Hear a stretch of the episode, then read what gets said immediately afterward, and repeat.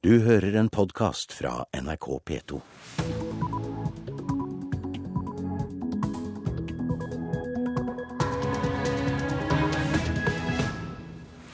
God morgen og velkommen til Nyhetsmorgen. Klokken er 6.30 denne siste dagen i januar. Og her er de første overskriftene våre. Arbeiderpartiet går inn for å utrede oljeleting i nord. Venstre varsler kamp om de sårbare havområdene utenfor Lofoten. Nei, Jeg er jo helt uenig med dem, men dette er jo klassisk Arbeiderpartiet som ikke tar eh, natur- og miljøhensyn når det kommer til praktisk politikk. Her prioriterer de olje foran det som er umistelige naturverdier. Ja, sa nestleder i Venstre Ola Elvestuen. Svart arbeid finansierer organisert kriminell virksomhet og menneskehandel, mener bransjeforening. Og mange kommuner kutter i skolebudsjettene. Skoler må droppe vikarer og godta dårligere renhold, viser rundspørring. Programleder i dag det er Tor Albert Frøsland. Et stort flertall i Arbeiderpartiets programkomité går inn for å konsekvensutrede oljeleting i nord i løpet av de neste fire årene. Venstre varsler kamp om de sårbare havområdene utenfor Lofoten. Nestleder i Venstre, Ola Elvestuen, er svært skuffet. Nei, Jeg er jo helt uenig med dem, men dette er jo klassisk Arbeiderpartiet som ikke tar eh, natur- og miljøhensyn når det kommer til praktisk politikk. Her prioriterer de olje foran det som er umistelige naturverdier. Hurra, hurra, hurra! Regjeringa er bra! Miljøbevegelsen feira og sang i 2011. Nå får de følgende melding fra Arbeiderpartiets nestleder Helga Pedersen. Vi går inn for å gjennomføre en konsekvensutredning av de uåpna delene av Nordland 6, av Nordland 7 og Troms 2. Eh, og når konsekvensutredninga foreligger, så vil vi eh, ta stilling til om det skal åpnes for petroleumsaktivitet i de områdene. Som er klar på at en slik konsekvensutredning kan skje raskt. Det er jo åpenbart at eh, når det er henta inn mye kunnskap nå, så kan mye av den kunnskapen brukes på nytt igjen i en konsekvensutredning. Hun har leda en 16-manns programkomité der kun én har tatt dissens, nemlig AUF-leder Eskil Pedersen, som varsla kamp på Ap-landsmøtet. Det vi vet, er at konsekvensutredning i nærmest alle tilfeller betyr eh, oljeboring. Eh, og Derfor så er konsekvensutredning et eh, litt villedende begrep. fordi det eh, mest presise begrepet er jo egentlig å si at det er en, eh, en, en åpning, en oljeåpning, en prosess for å åpne opp et område. Og eh, det er vi imot. Også utenfor egne rekker får Arbeiderpartiet kamp om oljeåpning i Lofoten. Venstres Ola Elvestuen lover at spørsmålet på ingen måte er avgjort. Dette er en viktig valgkampsak for Venstre. Vi må sørge for at vi slåss for å få en posisjon etter valget som gir oss en makt som vi kan bruke for å stoppe det løpet som Arbeiderpartiet nå kjører, for å åpne for oljeutvinning i disse områdene. Det topper seg nå. Helga Pedersen vet hun går mot SVs politikk. Og det har vi greid å finne løsninger på før. Hvor lenge ordner det seg? Ap provoserte gjennom helgen SV og Senterpartiets Sandra Borch om EØS.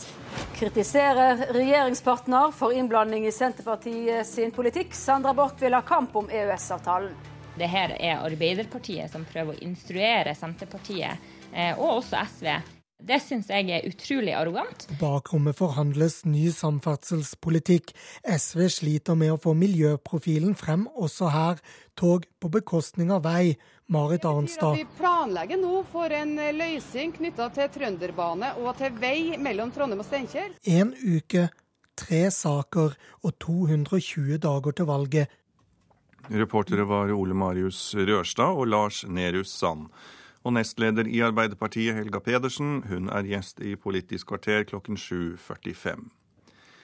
Sekretær i Andøy Fiskarlag, Bjørnar Nikolaisen, lover å kjempe for et oljefritt Lofoten og Vesterålen uansett hvem som sitter i regjering.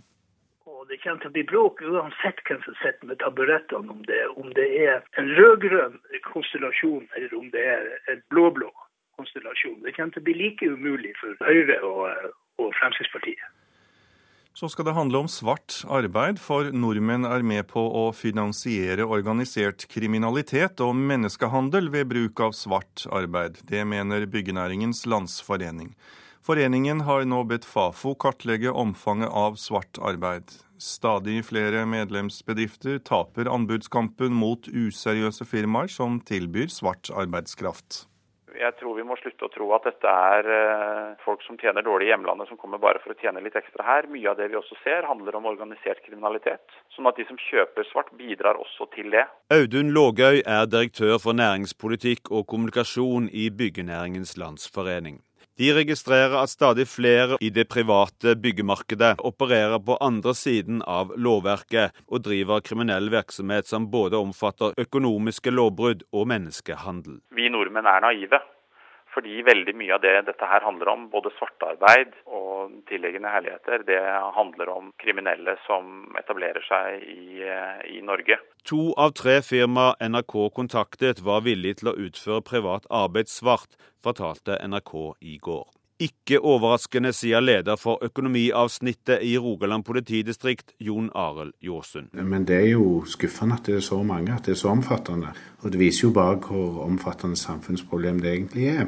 Politidistriktet har de siste par-tre årene etterforsket flere store saker som omfatter svart arbeid innenfor byggenæringen. Vi får jo bare gjerne toppen av isfjellet, de mest alvorlige sakene, og gjerne i form av tips og anmeldelser fra skattemyndighetene, Skatt vest i det vesentlige her i distriktet. da. Men jeg tror nok her er det store mørketall, eh, og tydeligvis ut fra din undersøkelse òg, så må det åpenbart være det. Byggenæringens Landsforening har nå bedt Fafo undersøke og kartlegge kartlegge omfanget av svart arbeid. Flere tradisjonsrike malerfirma i Stavanger-distriktet etterlyser bedre kontroll med markedet.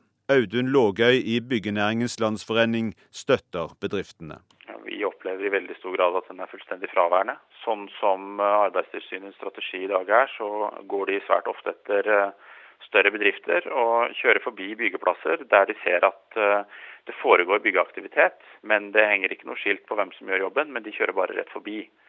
Så vår utfordring til Arbeidstilsynet er at de i større grad må prioritere privatmarkedet. Vi har vel inntrykk av det at de siste åra har det blitt uh, mer av det, og vi har òg hatt flere store saker de siste åra. Sier Jon Arild Ljåsund i Rogaland politidistrikt. Har dere inntrykk av at en òg uh, er villig til å betale svart fordi at en relativt sett risikerer lite. Det der er jo òg regelverket endret nå nylig, sånn at eh, kunder som i dag betaler mer enn 10 000 kroner eh, kontant, de kan da risikere å bli ansvarlig for skattetrekket dersom det kommer frem at det er svart arbeid siden.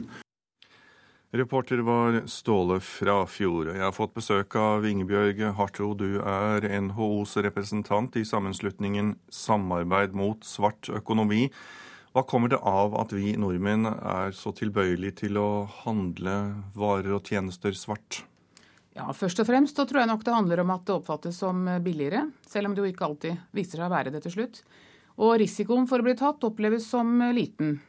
Og ikke alle tenker på konsekvensene av det av å kjøpe svart arbeid. Ja, hvilke konsekvenser kan det få? Ja, Det kan jo være mange, både for den enkelte forbruker og, og for samfunnet litt mer bredt. da.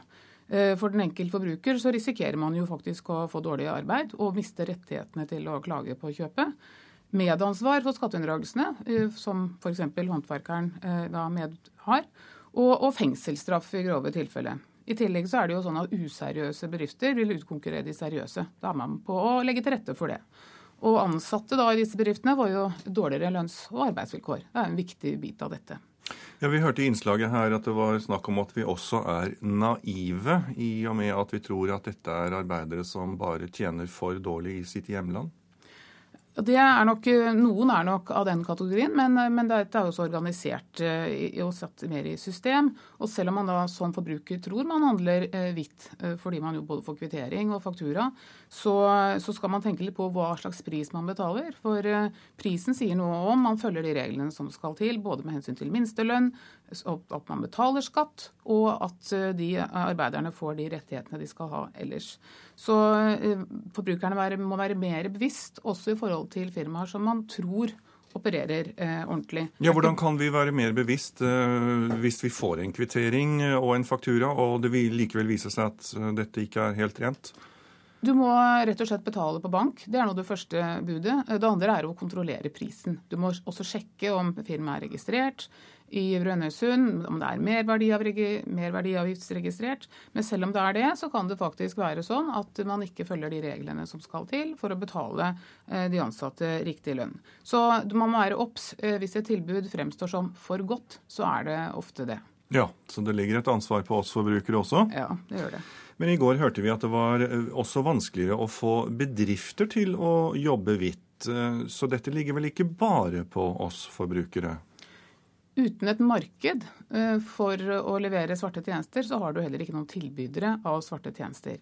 I går så, så vi en annonse som NRK hadde satt inn, og det er klart som etterspurte svarte, svarte tjenester. Da sier det seg kanskje selv at de som leverer det, er de som også tilbyr det. Eh, men det er nok sånn at eh, det er mange som tilbyr svart fordi det er et marked for det. Dvs. Si vi forbrukere etterlyser det. Og det er det som er det store problemet. Og vi må gjøre noe med dette, annet enn også bare Det er klart at holdninger er viktig, men eh, skattemyndighetene må kontrollere privatmarkedet mye, mye mer enn de gjør i dag. Og det må innføres skattefradrag i Norge, sånn som man har i Sverige. Der har man snudd svart til hvitt i, stor, i stort omfang. Det får være den eh, gode oppfordring. Den får gå videre til myndigheten som driver og regulerer skatten vår. Takk skal du ha, Ingebjørg Hartå. Du er NHOs representant i sammenslutningen Samarbeid mot svart økonomi. Tar vi en titt på forsidene til noen av avisene i dag. Dagens Næringsliv kan fortelle oss at finansminister Sigbjørn Johnsen vil at vi nordmenn skal jobbe like mye som islendingene. Johnsen vil eh, både øke antall arbeidstimer per år, og at eldre skal stå lenger i arbeidslivet. NS-barna må beklage. Det sier journalist og forfatter Bjørn Vestli til Dagsavisen. Etterkommere av norske nazister må beklage overgrepene mot bl.a. norske jøder, som foreldrene gjorde under krigen, mener han. Dagbladet skriver og forteller oss hvordan nettsvindlerne er blitt enda smartere. VG skriver om det nye kroppsidealet, for nå vil kvinner være både sterke og muskuløse. Situasjonen i Mali preger forsiden til Aftenposten, som kan fortelle oss at islamistene taper by etter by. Nå jages de ut i ørkenen, og der kan de bli vanskelige å ta. EU kommer ikke til å kreve større EØS-endring, det kan nasjonen fortelle oss, som siterer en sentral kilde i EU. Biskopene her til lands har for pompøse bispekåper. Det mener rektor ved Teologisk fakultet Geir Hellemo, skriver Vårt Land. Rektoren mener biskopen ikke svarer til den eh, nøkternheten kirken skal forvalte. Arbeiderpartiet sier nei til surrogati, skriver Klassekampen, som har funnet ut av at dette blir en del av Arbeiderpartiets nye partiprogram. Stavanger Aftenblad har overskriften 'Ofrene kom hjem', og det er kistene med de fire nordmennene som ble drept i terrorhandlingen i Algerie, som kom til Norge i går. Bergenskloakken kan avsløre narkobruk, skriver Bergensavisen. Det er Norsk institutt for vannforskning som sammen med Statens institutt for rusmiddelforskning, som ønsker å undersøke hva 260 000 bergensere etterlater seg i kloakken. Høy vannstand i Kristiansand. Fedrelandsvennen skriver at selv brann- og redningsbåten i byen måtte søke nødhavn etter at høyvann kombinert med storm gjorde det umulig å ligge til kai. Brann i Lenvik preger førstesiden til Nordlys, der en kvinne er alvorlig skadet og en eldre mann er funnet død etter brannen. Og Adresseavisen kan fortelle oss at Utdanningsdirektoratet mener Trondheim International School både brøt loven og krenket elever.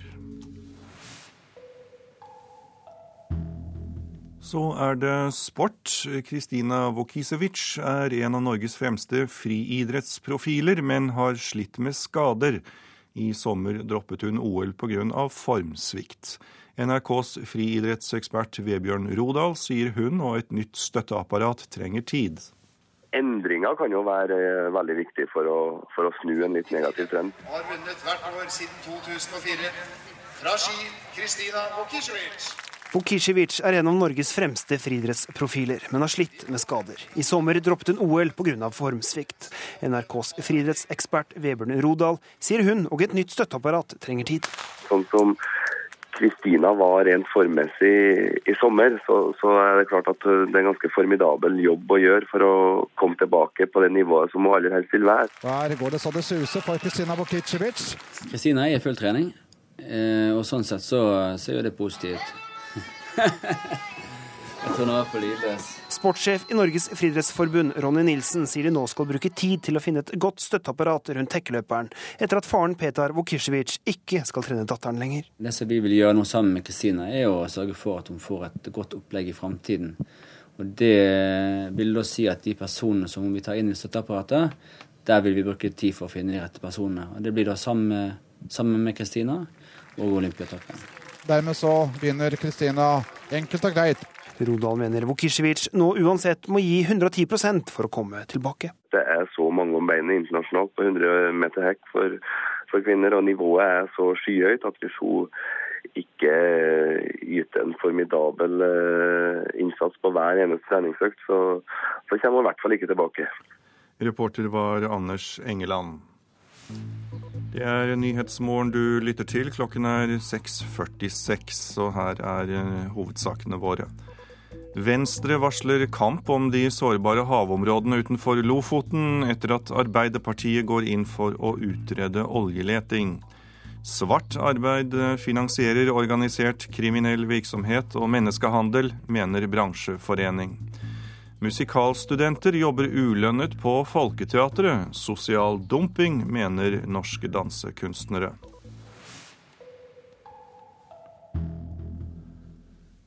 Mange av landets kommuner kutter i skolebudsjettene. Det viser en rundspørring Utdanningsforbundet har gjort blant sine tillitsvalgte. Det innebærer bl.a. at det ikke blir satt inn vikarer når lærere er syke. På Lonevåg barneskole på Osterøy må de spare på alt, og også godta dårligere renhold. Det er hovedklasserommet til 7. klasse. Og her er 32 pulter. sant? Pultene står tett på Lonevåg barneskole. Osterøy kommune har kuttet 9 millioner kroner på skolebudsjettet. Rektor Kristin Merete Nødtveit må veie hver krone. Dersom lærerne blir syke, blir det ikke satt inn vikar. Det spares på alt. Det blir ikke vasket så ofte her hos oss, og så grundig som før. Heimkunnskap måtte vi kutte ut på høsten og fram mot jul, pga. at vi hadde ikke mulighet til å kjøpe inn mat og det vi trengte til heimkunnskap. Vi skulle kjøpe nye PC-er, men eh, vi har ikke penger til det her er jo ei tålegrense for hvor mye kutt en kan klare. Det sier leder for Utdanningsforbundet, Ragnhild Lid. Det er ikke bare skole på Osterøy som merker sparekniven. Utdanningsforbundet har spurt sine tillitsvalgte i kommunene. Av de vel halvparten som har svart, sier 60% at det kuttes. Nasjonale politikere gir løfte, mens kommunale politikere kutter. På Osterøy er rådmann Odd Ivar Øvregård klar på at sparingen må til. Politikerne brukte i mange år mer penger enn de hadde. Det må innbyggerne betale for nå. Skolekuttet i seg sjøl, med den struktur vi har i dag, den karakteriserer jeg som drastisk. I inneværende år så er det jo faktisk kutt på hele linja, for å greie å, å dekke inn de tidligere års underskudd. Lonevåg-rektoren liker jobben sin, men håper at de dårlige tidene snart snur. Det har vært ille i mange år, og jeg tror vi, vi må nå være nådd bunnen snart. At når vi har nådd bunnen, så må det vel begynne å gå oppover. Reporter her, det var eh, Siri Løken. Og jeg har med meg Christopher Beckham. Du er leder for Foreldreutvalget for grunnopplæringen. Hva synes du om dette vi hører her? Nei, Vi er bekymret for uh, situasjonen i, Kommune-Norge. Eh, og vi får stadig flere foreldre som kontakter oss og sier at de føler at sitt barn eh, i sin nærkommune ikke får den opplæringen de skal ha etter opplæringsmiljøloven. Ja, for Det rapporteres da altså fra flere kommuner, også i det fylket du representerer, at det ikke er råd til vikarer dersom lærere er syke. Hva gjør dette med tilbudet barna får på skolen? Dette gjør at kommunen ikke oppfølger opplæringsloven, eh, der elever skal ha lærere til stede i undervisningen. Og Vi har eh, tatt tak i problemet senest i går i et eh, møte der vi, vi nå sender brev til Utdanningsdirektoratet og til kunnskapsministeren, der vi forsøker å belyse problemstillingen. For det er sånn at Kommunene må gjøre oppgaven sin, nemlig å gi elevene den kunnskapen de skal få i skolen. I tillegg til å være leder for Foreldreutvalget for grunnopplæringen, så er du også fylkespolitiker for Arbeiderpartiet. Og hva er ditt forslag til eh, den regjeringen eh, du sånn sett er en medlem av? Jeg har jo ikke lyst til å blande hattene mine her. Eh, så Som leder i FUG har jeg lyst til å si at eh, vi ønsker at regjeringen setter kommunene i stand til å drive en skikkelig skolepolitikk, enten det er i Osterøy kommune eller om det er i Bærum kommune. Det skal være likhet for alle barn, uansett hvor de går i den norske skolen. Ja, Kommunene er jo fattige, øh, hører vi, og de har altså da ikke penger som de kan bruke. Og i en slik situasjon, hva mener du da skal gjøres? Nei, Spørsmålet er jo om eh, Det er jo et radikalt eh, greie, selvfølgelig. Men spørsmålet er om eh, kunnskapsministeren skulle instruert eh, fylkesmennene eh, til å ha et nøye, tettere oppfølging av de kommunene som eh, kutter dramatisk i skolebudsjettene, og finne, få tiltak som kan gjøres for å bedre situasjonen for de elevene. Det viktige her, tenker jeg, det er det at skolene i kommunene der barna våre går, klarer å ha gode læringsplasser. Ja, Hvordan skal ministeren kunne instruere da? Nei, spørsmålet er om, altså, det er klart at En må gå i dialog med KS og finne ut hvordan en kan gjøre dette. Svaret har ikke jeg, og det har ikke Foreldre-Norge. Vi sier bare at våre barn skal ha eh, det de skal ha krav på, nemlig lærere til stede i undervisningen, og det skal sittes inn vikarer. For loven er tydelig. Alle barn skal ha tilpasset opplæring. Og i en situasjon der en kommune kutter som Osterøy 9 millioner, så tror vi ikke alle barn får det, og da er det brudd på loven. Og da tror jeg også at du nok tenker at barn skal ha et godt inneklima og godt renhold? Selvfølgelig. Inneklima er viktig. Eh, og viser, Undersøkelser viser at hvis du ikke har et godt inneklima, så får du heller ikke et godt læringsmiljø. Og har du ikke et godt læringsmiljø, så klarer du heller ikke å lese, og skrive og regne sånn som du burde ha gjort. Takk skal du ha, Kristoffer Beckham, leder i Foreldreutvalget for grunnopplæringen. EU-kommisjonen foreslår at all innenlands passasjertrafikk med tog skal konkurranseutsettes innen desember 2019. Det betyr at utenlandske togselskaper kan konkurrere med NSB i Norge. Statssekretær Geir Pollestad i Samferdselsdepartementet sier til Aftenposten at de vil prøve å hindre at dette blir gjennomført. Han mener Norge er lite egnet for storstilt konkurranse, siden markedet er lite. Han sier det er spesielt viktig med kun én togoperatør i Oslo-området. Selskapet Autotech varebørs kan selge nye bøker billig, stikk i strid med avtalen mellom Bokhandlerforeningen og Forleggerforeningen. Det slår tingretten fast.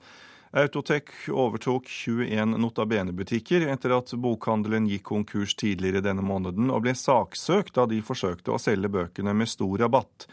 Lettelsen var stor da selskapet fikk beskjed om at de selger bøkene lovlig. Vi ble veldig glade og veldig fornøyd. Utgangspunktet var jo at, eh, at vi ikke er medlem hos dem, og, og følte oss heller da ikke bundet av en avtale. Det sier Trond Erik Nilsen i Autotech om å ha vunnet fram i Drammen tingrett tirsdag. Selskapet driver med kjøp og salg av konkursbo. Det er i mange bransjer. altså Det er alt fra, ja, fra bøker til klær til biler, båter etc. Etter at Nota Bene gikk konkurs 9.1, kjøpte Autotek 21 av de 139 butikkene. Nå selger Autotek bøker unna til halv pris for å tømme lagrene og forhåpentligvis tjene litt penger på konkursen. Det liker Forleggerforeningen dårlig, fordi Nota Bene hadde kjøpt bøkene med avtale om å selge dem med maksimalt 12,5% rabatt fram til 1. mai. Bokbransjen har nemlig sikret seg gode inntekter gjennom fastprisavtalen. Men Autotek har aldri inngått noen slik avtale, og Nilsen ble derfor sjokkert over å bli saksøkt av Forleggerforeningen. Det, det kom som et sjokk på oss. Vi visste jo at det var en bokavtale som tilsa at alle som på en måte er i normal drift, dem, eh, dem jobber under den. Men uh, dette er ikke noe ordinær drift. og Selskapet har jo gått konkurs, og, og normalt ved konkurs opphører alle avtaler. Ja, vi var uh, overrasket uh, over den kjennelsen. Hele ideen bak fastpristenkningen er at alle som selger bøker skal respektere det frem til 1. mai. og da har vi forventet at det også skal gjelde aktører som eventuelt kjøper opp fra Det sier administrerende direktør Kristen Einarsson i Forleggerforeningen. Han frykter at kjennelsen kan få konsekvenser for bokbransjen. Det blir vanskeligere å selge dyre bøker om andre selger dem billigere. Konsekvensen er at hvis noen andre går konkurs, og noen skal selge det konkursboet, så kan de antageligvis gjøre det uten uh, å behøve å ta hensyn til fastprisen. Det gjør jo at konkurransesituasjonen blir jo annerledes. Hvis flere begynner å, å, få mulighet til å selge uten dette, så har man jo uthult prinsippet. Men jeg tror vi skal ikke gjøre dette til et større problem enn det det er. Det er uh, la oss håpe at det ikke kommer flere konkursbo på markedet i nærmeste framtid. Forleggerforeningen vurderer nå om de skal anke kjennelsen fra Drammen tingrett. Uansett vil de jobbe for at nye bøker ikke skal selges på billigsalg igjen.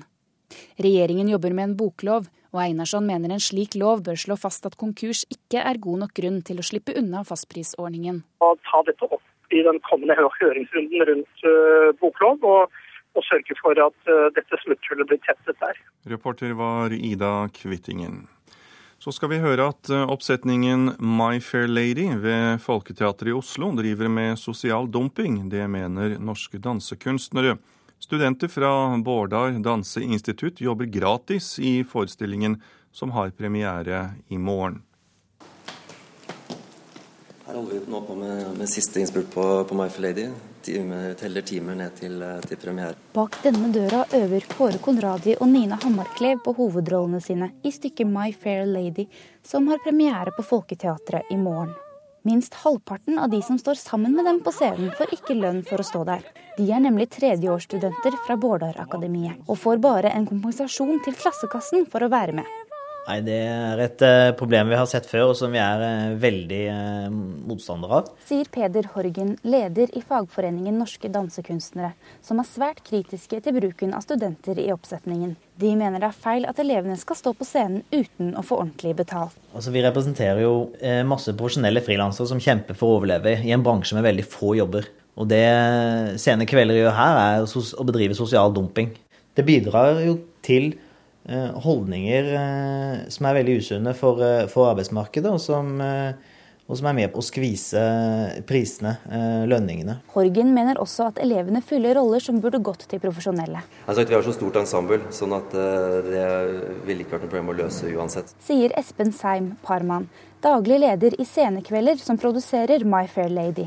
Han avviser at elevene har roller som kunne gått til profesjonelle frilansere.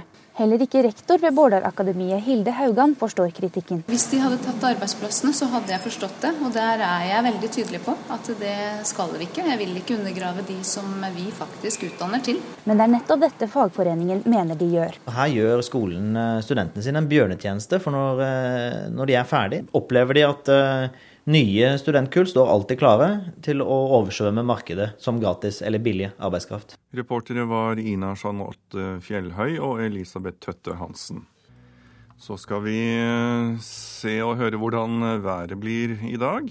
Vi begynner med Langfjella sør for Finse. Der blir det etter hvert til dels pent vær. Rondane, fjellstøkene Dovrefjell, svenskegrensen, fjellstøkene Trollheimen, Jotunheimen og Langfjella nord for Finse får noen snøbyger, vesentlig i nordlige strøk, noe sol i sør. Østland og Telemark opphold og til dels pent vær. Agder også opphold og til dels pent vær. Vestlandet sør for Stad enkelte sludd- og snøbyger, fra i ettermiddag oppholdsvær i sør. Møre og Romsdal og Trøndelag sludd- og snøbyger. Helgeland og Saltfjellet snøbyger, mest i sør. Salten, Ofoten og Lofoten enkelte snøbyger, mest om kvelden og i sør. Vesterålen får enkelte snøbyger. Troms får litt snø i grensetraktene, ellers etter hvert opphold. Kyst- og fjordstrøkene i Finnmark får litt snø. Finnmarksvidda får også litt snø. Nordensjøland på Spitsbergen får pent vær. Så skal vi ta noen morgentemperaturer, og de ble målt klokken fire. Svalbard lufthavn minus tolv grader, Kirkenes minus to, Vardø minus én, Alta minus tre, Tromsø-Langnes minus fem, Bodø 0, Brønnøysund 2, Trondheim-Værnes og Molde 3, Bergen-Flesland og Stavanger 4, Kristiansand-Kjevik 6, Gardermoen 2, Lillehammer 1, Røros minus to og Blindern i Oslo to grader.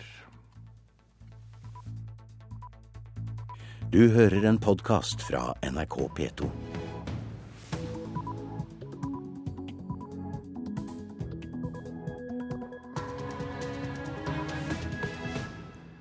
Da har klokken slått sju her i Nyhetsmorgen. Tor Albert Frøsland i studio, og her er nyhetsoppdateringen.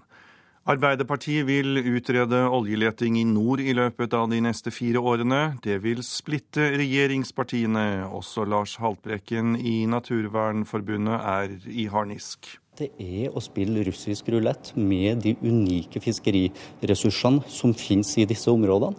Og vi vet også at klimatrusselen krever at vi lar en god del av oljeressursene bli liggende i bakken.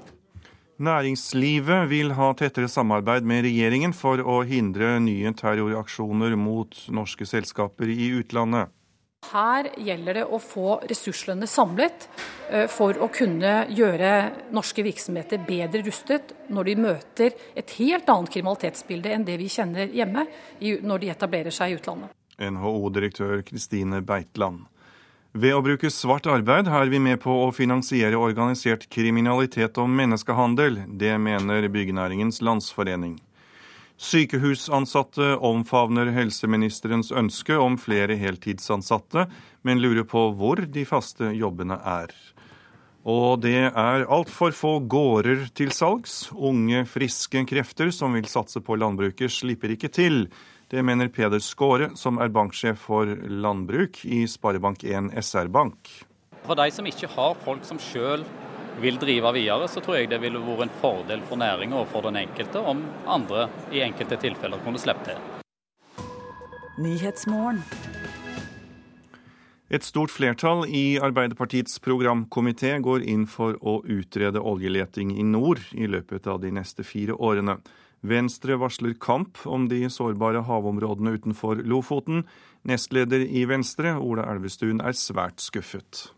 Nei, Jeg er jo helt uenig med dem, men dette er jo klassisk Arbeiderpartiet som ikke tar eh, natur- og miljøhensyn når det kommer til praktisk politikk. Her prioriterer de olje foran det som er umistelige naturverdier, og en robust eh, torskestamme som er viktig for hele verden. Budskapet fra Arbeiderpartiet og nestleder Helga Pedersen kom sent i går kveld. Eh, vi går inn for å gjennomføre en konsekvensutredning av de uåpna delene av eh, Nordland 6, av Nordland 7 og Troms 2.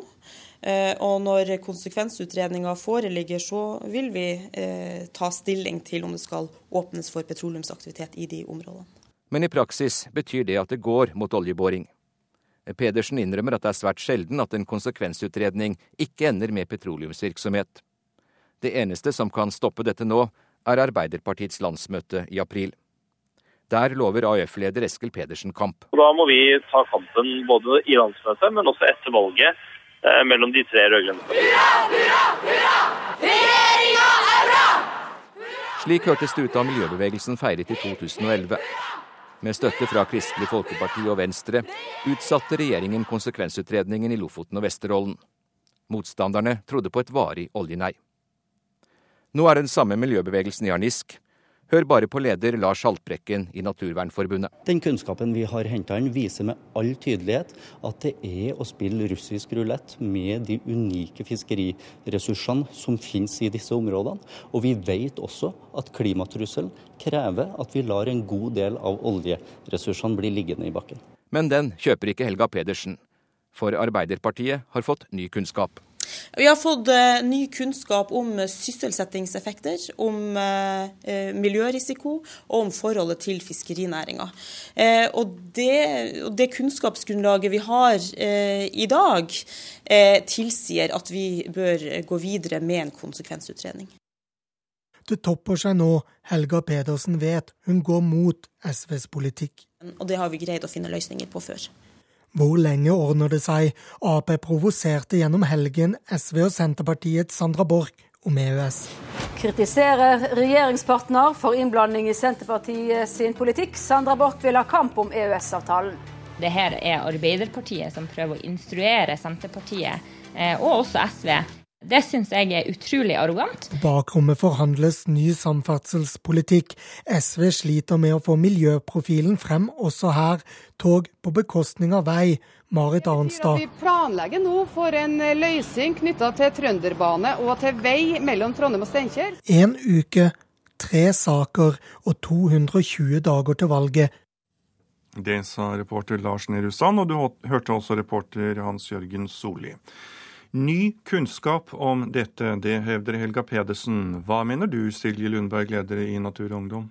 Det mener jeg er den største løgnen jeg har hørt på ganske lenge. Det er ingen ny kunnskap som tilsier at det er forsvarlig å skulle åpne de her områdene for oljevirksomhet. Her har flertallet i programkomiteen Arbeiderpartiet laga seg sin eh, egen sannhet som de sjøl ønsker å høre. Og så viser de ganske tydelig at de ikke bryr seg om verken miljøkunnskap eller om eh, de varskoene som kommer fra særlig fiskerinæringa i området. Så hva kan dere i Natur og Ungdom gjøre med dette? Heve fanene? Ja, du, fanene dem er høyt heva, og det har de vært lenge. Men jeg kan love deg at de kommer til å bli det enda mer.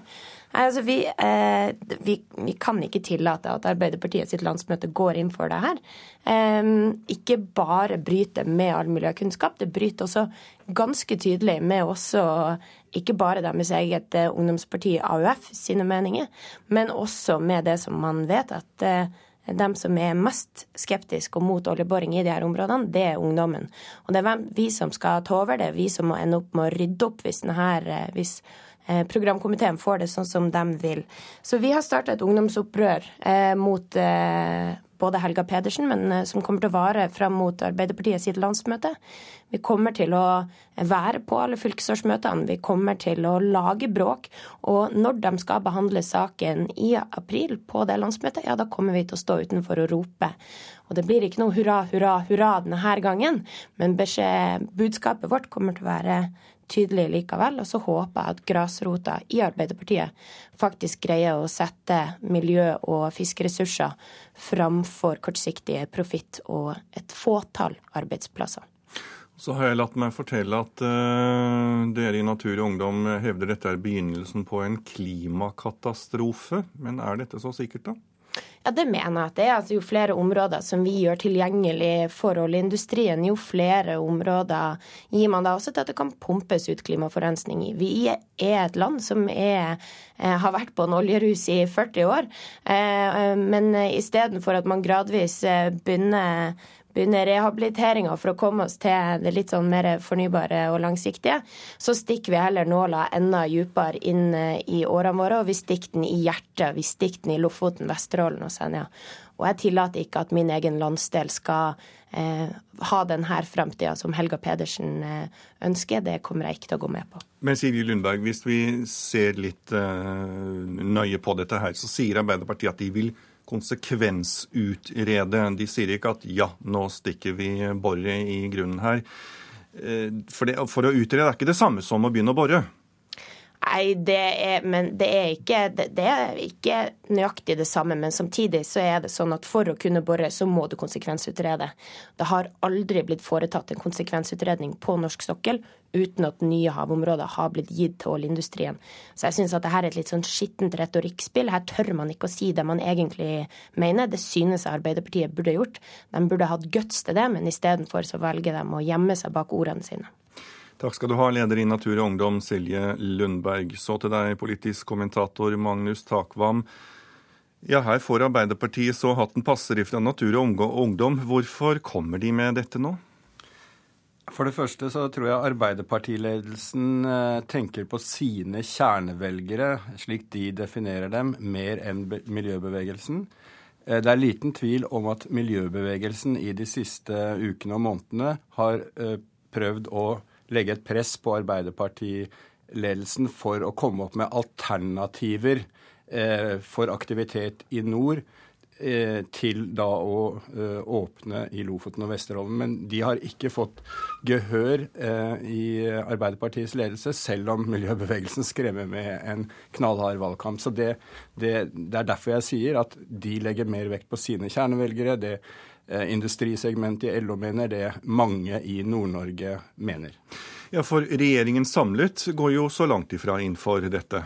Nei, I denne perioden har man jo eh, et kompromiss, som vi husker, som eh, besto i at man eh, ikke åpnet i disse omstridte områdene. Men Arbeiderpartiet fikk gjennom det man kalte en kunnskapsinnhenting på vitale områder som miljø, fisk, ringvirkninger osv. Og det lå internt i Arbeiderpartiet i kortene at neste gang eh, de skulle bestemme noe, så ville det bli en konsekvensutredning. Men dette er et standpunkt som partiet skal ha i valgkampen. Helt annen, et helt annet game blir det i en eventuell regjeringsplattformsbehandling. Eh, så det standpunktet er ikke nødvendigvis det som kommer til å bli en regjeringspolitikk. Nei, eh, men dette kan vel kanskje sånn sett andre profitere på? Jeg tenker på SV. Ja, Når det gjelder valgkamp, altså? Nett, nettopp. Det er klart at uh, det er rimelig å si at når det stortingsflertallet som fins for, for, å gå inn for en konsekvensutredning av Frp, Høyre og Arbeiderpartiet. Når det ikke er blitt realisert, så er det bl.a. fordi SV har bundet opp Arbeiderpartiet i den rød-grønne regjeringen siden 2005. Slik at med rette kan SV si at vi har greid inntil nå å stoppe det. og dermed få, få, en god sak for seg da i valgkampen, en miljøsak høyt opp på dagsordenen. Og Når vi nå da er inne på SV, hva tror du blir viktigst for SV? Et eh, regjeringssamarbeid etter valget, eller å redde partiets oppslutning? Jeg tror alle ser at eh, det er store muligheter for et regjeringsskifte også i SV og i Arbeiderpartiet. Sånn at Veldig mye handler selvfølgelig om at hvert enkelt parti tenker på å gjøre et best mulig valg for seg, og så får man ta det andre i neste eh, runde. Sånn at eh, her kjører SV på eh, miljøargumentene og, og, sier som så eh, Vil du ha nei til oljeboring i Lofoten, stem på oss. Er dette en god sak for Arbeiderpartiet å gå inn for en konsekvensutredning? Det er en logisk følge av Arbeiderpartiets politikk, industripolitikk, eh, oljepolitikk osv. Eh, de har gått med, en, gått med på en utsettelse i mange år. Eh, men hva, hva, hadde alternativet for dem nå vært, ut fra deres måte å argumentere på? De utsatte det sist. Eh, jeg tror ikke kjernetroppen i partiet ville godtatt nok en utsettelse. Takk skal du ha, politisk kommentator Magnus Takvam. Og nestleder i Arbeiderpartiet, Helga Pedersen, hun er gjest i Politisk kvarter klokken 7.45. Næringslivets sikkerhetsråd de vil ha et tettere samarbeid med regjeringen for å hindre nye terroraksjoner mot norsk næringsliv i utlandet. Direktør Kristine Beitland sier at hun er spesielt bekymret for sikkerheten til små og mellomstore bedrifter. Trusselbildet er alvorlig, derfor må vi være mest mulig forberedt, sier hun. Det betyr at fagmiljøene i næringslivet kommer tettere sammen med fagmiljøene innenfor myndighetsrepresentantene, slik at man får utvekslet de, den informasjonen man sitter på, slik at man får et riktig bilde også på det, den trusselen man møter. Det var en ond, villet handling. Sa statsminister Jens Stoltenberg i Stortinget for noen dager siden, da han redegjorde for terrorangrepet mot Statoil i Algerie. Nå jobbes det for å bedre sikkerheten til norsk næringsliv i utlandet. De skal heller ikke lykkes med å spre allmenn frykt. I dag møter Næringslivets sikkerhetsråd næringsminister Trond Giske med sine krav. Sikkerhetsrådet er opprettet av næringslivets sentrale organisasjoner for å bekjempe kriminalitet i og mot næringslivet. Men nå har de fått terrortrusselen mot norske interesser i utlandet rett i fanget. Og Giske lover samarbeid. Eh, vi er veldig opptatt av eh, at norske arbeidstakere skal være trygge. Eh, og vi ønsker å bruke også det apparatet vi har, til å bidra til det. De store selskapene har jo ofte egne staber og, og ekspertise på dette området. Men de små og mellomstore bedriftene, som nå i stadig sterkere grad også blir internasjonale, trenger nok et eh, apparat eh, kanskje i næringslivet som kan hjelpe dem med den type kunnskap. Og Her gjelder det å få ressursene samlet eh, for å kunne gjøre norske virksomheter bedre rustet når de møter et helt annet kriminalitetsbilde enn det vi kjenner hjemme når de etablerer seg i utlandet. Reporter var Hans Jørgen Soli. Klokken nærmer seg 7.15 her i Nyhetsmorgen. Dette er hovedsakene våre. Arbeiderpartiet åpner for eh, oljeboring i nord, vil og hisser på seg SV, Venstre og miljøorganisasjonene. Storbritannias statsminister David Cameron er i Algerie for å samarbeide med regjeringen der om å bekjempe terror. I USA ber våpenorganisasjoner politikerne om ikke å stramme til våpenlovene. Så skal vi høre det at helseministeren Jonas Gahr Støres plan for å bedre sykehus er godt forankret hos de ansatte. De største fagorganisasjonene vil brette opp ermene for å virkeliggjøre visjonen om bedre og mer tilgjengelige klinikker.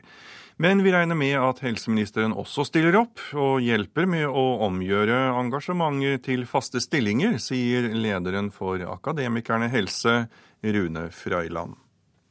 Vi liker at man eh, tydeliggjør at eh, heltidsstillinger gir best kvalitet i pasientbehandling og best kontinuitet. Det vi har mest eh, vansker med, som man ikke omtalte, det er å ha faste hele stillinger i sykehusene.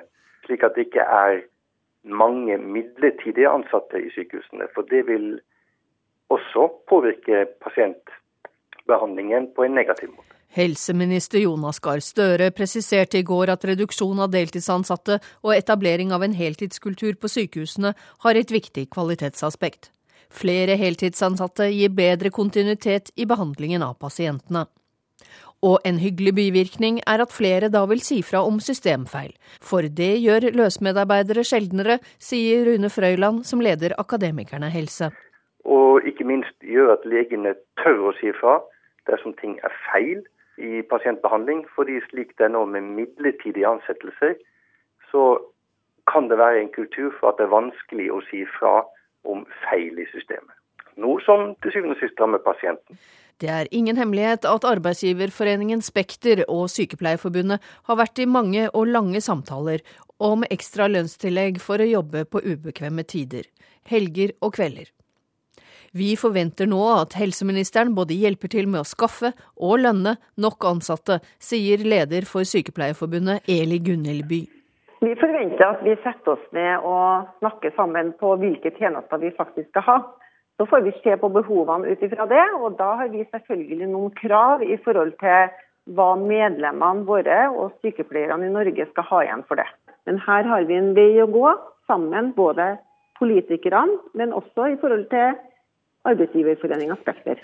Regjeringen har som mål å redusere andelen deltid i sykehus med 20% Flere av dem som jobber deltid i dag, må jobbe heltid i morgen, og det skal vi fikse, sier nestleder Geir Kristiansen i LO.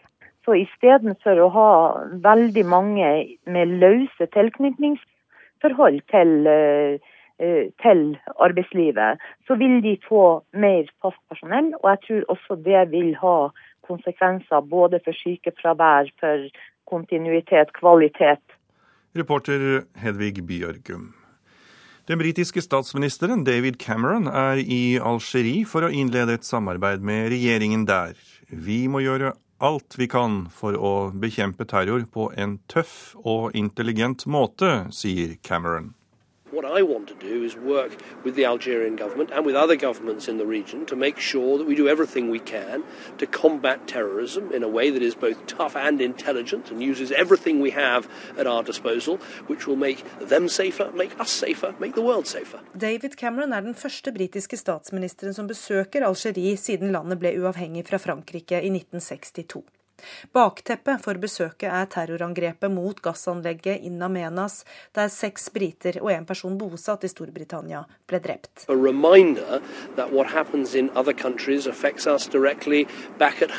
Gisselaksjonen var en påminnelse om at ting som skjer i utlandet får betydning for oss hjemme, sa den britiske statsministeren, som forventes å underskrive en sikkerhetsavtale med sin algeriske kollega i løpet av besøket.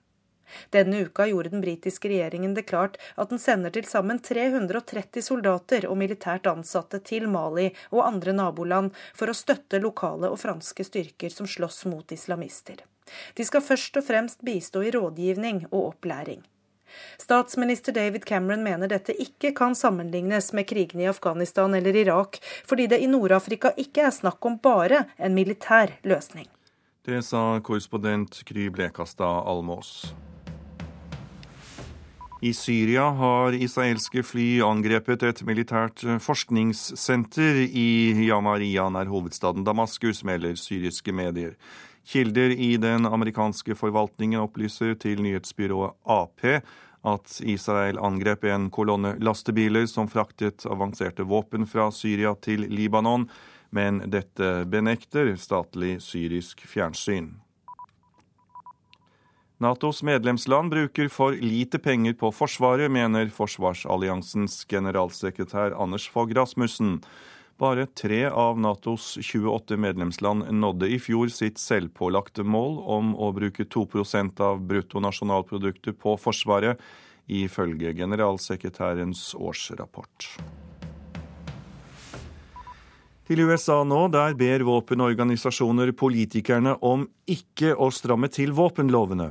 Under en senatshøring i går kveld advarte flere organisasjoner mot å forby halvautomatiske unnskyld, våpen. Sterkest inntrykk i høringen gjorde den tidligere politikeren Gabriel Giffords, som selv ble skutt i hodet for to år siden. Den mektige våpenlobbyen kjemper innbitt for å beholde dagens våpenregime her i USA, og mener det vil være fullstendig feil å stramme til våpenlovene etter massedrapet på en barneskole i Newton i delstaten Connecticut. I går kveld prøvde toppsjefen i våpenorganisasjonen NRA, Wayne LaPierre, å overbevise Senatets justiskomité om at det ikke er en seriøs løsning å forby halvautomatiske våpen med store magasiner, men at politikerne i stedet burde se på hvordan man kan hindre psykisk syke mennesker å kjøpe våpen. Proposing more gun laws while failing to enforce the thousands. I think we can also agree that our mental health system is broken. Også advokaten for en kvinneorganisasjon som støtter kvinners rett til å bære våpen, ba justiskomiteen avstå fra å forby våpentyper eller stramme inn våpenlovene. Advokat Gailey Trotter viste til Grunnloven og retten til å bære våpen, og mente kvinner ville bli ekstra hardt rammet hvis enkelte våpentyper ble forbudt. If we ban these types of assault weapons, you are putting women at a great disadvantage, more so than men, because they do not have the same type of physical strength and uh, opportunity to defend themselves in a hand-to-hand struggle. And they're, they're not criminals. They're moms. They're young women. Og det ble hisset temperaturer etter de mannlige justiskomitémedlemmene mente at kvinner ikke trengte angrepsvåpen med store magasiner for å forsvare seg selv. Advokat Gail Trotter svarte raskt at han umulig kunne sette seg inn i en situasjon der en mor desperat forsøker å verne sine barn fra å bli skutt. You cannot understand. You are not a woman stuck in her house, having to defend her children, not able to leave her child, not able to go seek safety. Sterkest inntrykk under gårsdagens høring gjorde tidligere kongressrepresentant Gabriel Giffords, som selv ble skutt i hodet for to år siden. I en følelsesladet appell ba hun sine tidligere politikerkolleger om å vise mot og handle nå ved å stramme til våpenlovene for å hindre at flere uskyldige barn blir drept. Too many children are dying.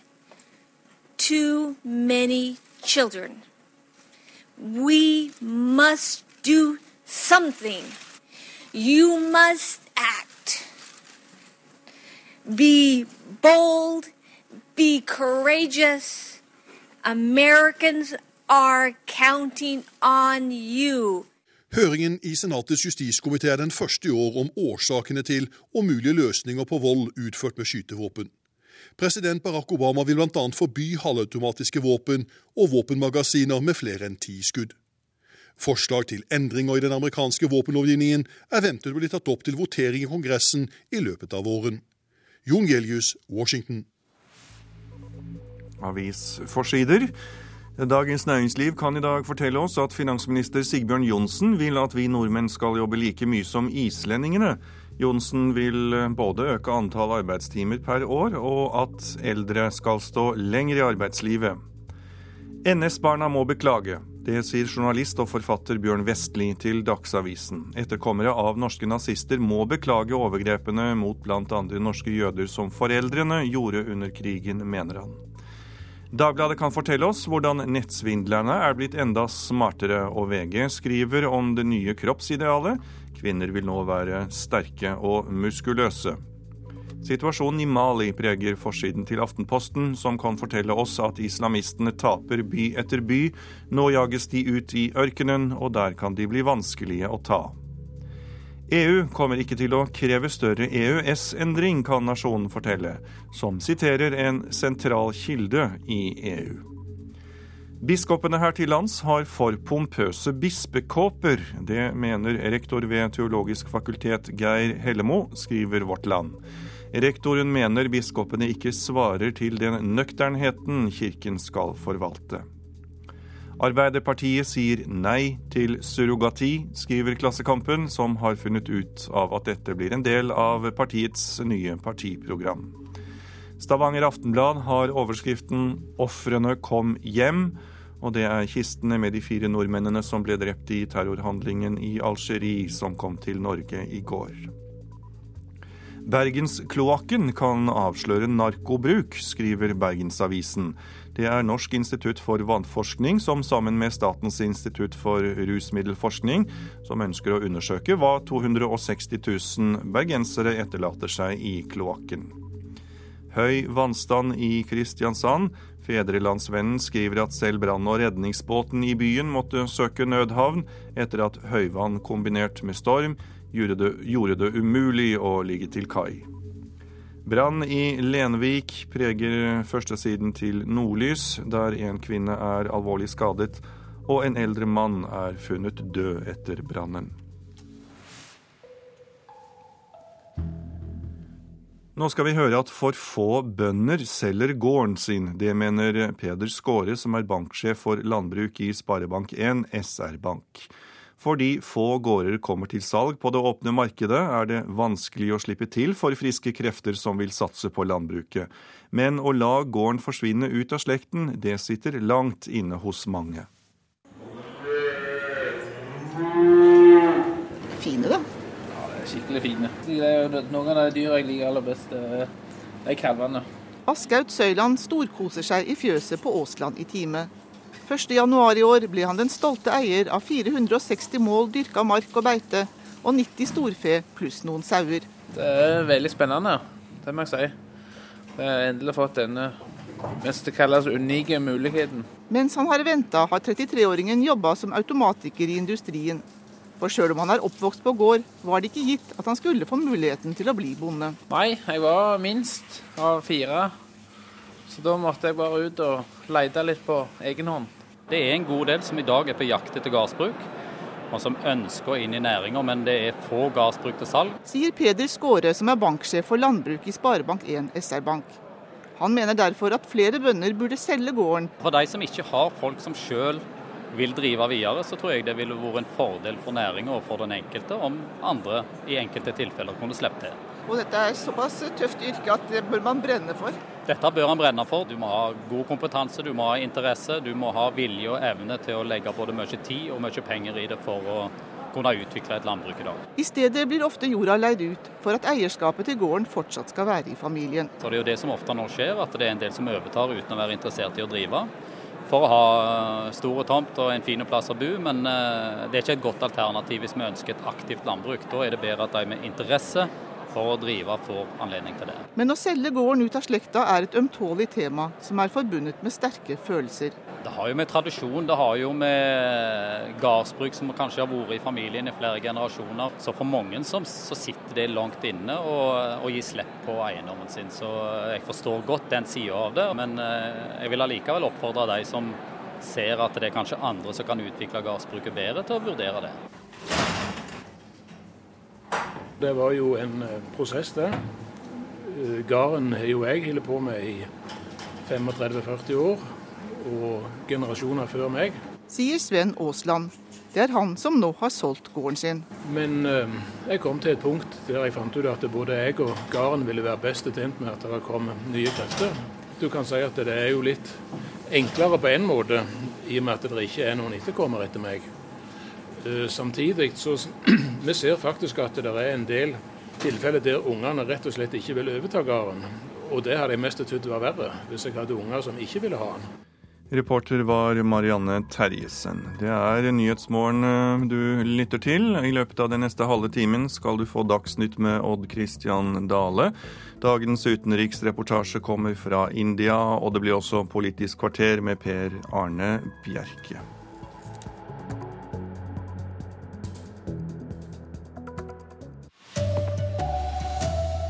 SV varsler kamp mot oljeboring i Lofoten etter at Arbeiderpartiet åpner for å utgreie nettopp det. Dyre biler blir smugla ut av landet og til Øst-Europa. Og Israel har angrepet mål inne i Syria. Ja, god morgen, her er NRK Dagsnytt, klokka er 7.30. Det kommer kraftige reaksjoner etter at Arbeiderpartiet går inn for å utgreie oljeleting i Lofoten, Vesterålen og utenfor Senja. Miljørørsla og fiskerinæringa lover omkamp. Det gjør også nestleder i Venstre, Ola Elvestuen. Nei, Jeg er jo helt uenig med dem, men dette er jo klassisk Arbeiderpartiet som ikke tar uh, natur- og miljøhensyn når det kommer til praktisk politikk. Her prioriterer de olje foran det som er umistelige naturverdier og en robust Eh, torskestammen, som er viktig for hele verden. Budskapet fra Arbeiderpartiet og nestleder Helga Pedersen kom sent i går kveld. Eh, vi går inn for å gjennomføre en konsekvensutredning av de uåpna delene av eh, Nordland 6, av Nordland 7 og Troms 2. Og når konsekvensutredninga foreligger, så vil vi ta stilling til om det skal åpnes for petroleumsaktivitet i de områdene. Men i praksis betyr det at det går mot oljeboring i dette omstridte området. Pedersen innrømmer at det er svært sjelden at en konsekvensutredning ikke ender med petroleumsvirksomhet. Det eneste som kan stoppe dette nå, er Arbeiderpartiets landsmøte i april. Hurra, hurra, hurra! Regjeringa er bra! Slik hørtes det ut da miljøbevegelsen feiret sist, i 2011. Med støtte fra Kristelig Folkeparti og Venstre utsatte regjeringen konsekvensutredningen i Lofoten-Vesterålen. Motstanderne trodde på et varig oljenei. Nå er den samme miljøbevegelsen i harnisk. Hør bare på Bellona-leder Fredrik Hauge. Vi lå med båten vår der eh, på Røst i 2001, når Jens måtte stoppe oljeboring i Lofoten forrige gang. Vi skal få stoppet dette igjen. Uansett hvem som vinner valget, så kommer dette til å være en av de absolutt vanskeligste sakene for som, den som skal danne regjering. Vi har ikke gitt opp. Vi har slåss i 20 år, og vi skal ta vare på disse fantastiske områdene. Reportere her var Hans-Jørgen Solli og Lars Nehru Sand. Miljøvernminister Bård Vegar Solhjell, hva betyr dette for SV sitt samarbeid med Arbeiderpartiet i regjering? Du Samarbeidet fortsetter. Vi har jo vunnet gjennom med vårt syn om et oljefritt Lofoten, Vesterålen og Senja. Eh, og det er fortsatt veldig viktig. Dette er blant våre mest sårbare naturområder. Viktige gyteområder for eh, fiskerier. Og det er begrensa sysselsetting knytta til olje i forhold til den sysselsettinga vi har ved reiseliv og næring. Eh, og vi har nå den nye kunnskapen at vi ikke kan ta opp all oljen eh, vår pga. klimaendringene, og da bør vi la de mest sårbare områdene i bero. Som du sier, så har dere vunnet fram før, men er det realistisk at dere også vil kunne vinne fram en gang til? Ja, det er det. I åtte år så har det vært kjent at Arbeiderpartiet ivrer sterkt for oljeboring i de områdene. Vi har eh, et kunnskapsbasert standpunkt, eh, og vi har vunnet gjennom med våre argumenter, holdt eh, områdene oljefrie. Det kommer til å være en helt avgjørende sak for SV òg fortsatt. fordi skal vi være et miljøland, så må vi la de mest sårbare områdene våre være i bero fra oljeaktivitet. Men kan dere sitte i regjering med Arbeiderpartiet nå, når de tross alt har programfesta dette også? Du, Vi har sittet i regjering med det i åtte år når de har argumentert for det. Eh, det er oljefritt fordi SV har vunnet gjennom med våre argumenter. Og det er et avgjørende spørsmål for SV, for vi legger så stor vekt på fiskeriene og naturverdiene i området. Takk skal du ha, Bård Vegar Solhjell, og du møter også Helga Pedersen i Politisk kvarter etter Dagsnytt på P2. Politisk kommentator Magnus Takvam, var dette overraskende? Nei, det lå i kortene at Arbeiderpartiet kom til å lande på dette standpunktet. Da de i 2011 fikk med seg de mest ivrige oljetilhengerne i LOs kjernetropper og i Arbeiderpartiet i Nord-Norge, Eh, så måtte de eh, på en måte få, med, få inn en kunnskapsinnhenting i vedtaket eh, som i praksis nesten er det samme som en konsekvensutredning. Og da lå det i kortene den gang at OK, neste gang blir det konsekvensutredning. Så nei, det er ikke overraskende etter min mening. Nå hører vi Solhjell sier at SV står fast på sitt. Men er dette valgflesk for SV-velgere, eller er det realisme i at en kan eh, fremdeles samarbeide? Altså, jeg, det er klart Mange i SV er frustrert og forbanna på Arbeiderpartiet eh, pga. dette, eh, isolert sett. Eh, men samtidig så ser jo partiet muligheten for å få en eh, viktig miljøsak høyt opp på dagsordenen i valgkampen, og tradisjonelt så tjener jo SV på det. Så er spørsmålet hvor mye de tjener, for alle vet at det er uenighet om saken på begge sider av, eh, av blokkene. Og dermed så er det ikke helt bankers at dette blir et kjempevalg for SV bare av denne grunn, men at man vil utnytte muligheten muligheten å seile på den miljøkampen som nå kommer, og prøve det, det er det, er det liten tvil om. Hvis det nå blir regjeringsskifte til høsten, hva vil det få si for eh, dette området? Det har veldig mye å si da hvilken konstellasjon som kommer. Eh, dersom Høyre og Frp f.eks. skulle danne en mindretallsregjering, så, det, så, kan det teoretisk bli eh, ja til konsekvensutredning dersom Kristelig Folkeparti og Venstre ikke knallhardt står på og krever noe annet for å skal vi si, gi støtte i andre saker til en Høyre-Frp-regjering. Dermed så tror jeg vil, denne usikkerheten vil leve hele tiden, og vi vil se at eh, både KrF Venstre og SV i valgkampen vil kjøre hardt mot eh, åpning av Lofoten eh, og Vesterålen de neste månedene. Takk skal du ha, politisk kommentator Magnus Takvann. Mer enn 1000 biler ble etterlyst her i landet i fjor, og nå advarer Kripos mot mer profesjonelle bilbander. Dyre biler blir årlig smugla ut av landet til markeder i Øst-Europa, og det viser en ny rapport fra Kripos. De kriminelle utvikler seg skremmende raskt, sier avdelingssjef i Kripos, Eivind Borge. Vi skal være var for eh, både den kompetansen og den profesjonaliteten disse grupperingene eh, gjennomfører sin kriminalitet på. Eh, slik at eh, det er, det er, et område vi må ha kontinuerlig fokus på for å, å, kunne gjennomføre de tiltakene vi trenger eh, for å demme opp for den type kriminalitet. Det er umulig å vite nøyaktig hvor mange av de 1100 etterlyste kjøretøyene som smugles ut av landet. Men Eivind Borge i Kripos ser at et høyt antall av disse går østover. Vi har mange eksempler på både østeuropeere og personer fra de baltiske land. Reporter Ellen Borge Christoffersen. Israel har angrepet mål inne i Syria i løpet av det siste døgnet. Amerikanske og syriske styresmakter stadfester at angrep er gjennomført, men det israelske forsvaret nekter å kommentere dette. Målet for luftangrepet er uklart.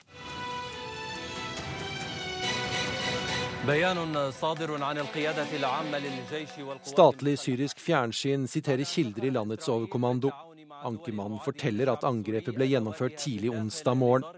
Det var rettet mot en militær forskningsinstitusjon i Yamraya utenfor hovedstaden Damaskus. To mennesker skal ha blitt drept, og fem ble såret, ifølge meldingene.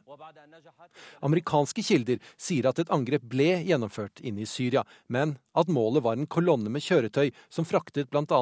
antiluftraketter som skulle til Hezbollah i Libanon. Den libanesiske statsministeren sier at han har hørt om dette, men at han ikke vil bekrefte opplysningene. Før statsministeren snakket, hadde det libanesiske forsvaret sendt ut melding om at fire israelske fly hadde krenket libanesisk luftterritorium. Den syriske overkommandoen benekter at en kolonne har blitt angrepet. Reporter her var Halvard Sandberg. Nå må vi angripe, det sier sjefen for herrelandslaget i skiskyting, Roger Grubben, i forkant av VM i Nove Mesto. Norge er outsidere til verdensmesterskapet for første gang på veldig lenge. Det er jo en annen inngang og en annen situasjon enn vi har hatt til mange VM tidligere. og Vi kommer jo inn som outsidere som lag, og, og det er jo der vi er. Landslagssjef Roger Grubben har litt å gruble på før VM i Novemesto. For denne sesongen er det kun Emil Hegle Svendsen av de norske skiskytterherrene som har vært på pallen i verdenscupen. Landslagssjefen vil likevel ikke svartmale situasjonen. Han har stor tro på både Tarjei Bø og kongen av skiskyting Ole Einar Bjørndalen, som begge har fått deler av sesongen spolert pga. sykdom. Vi er jo i den heldige situasjonen at vi har jo både Ole Einar og Tarjei som er på gang, absolutt, og som er sånn utfordrer dem med høyt potensial. Så, så, for de så er det en situasjon De har jo alt å vinne. Vi, vi er outsider for å utnytte at vi angriper. Og VM i Nove Mesto det starter 7.2. Reporter her var Oddbjørn Vistnes.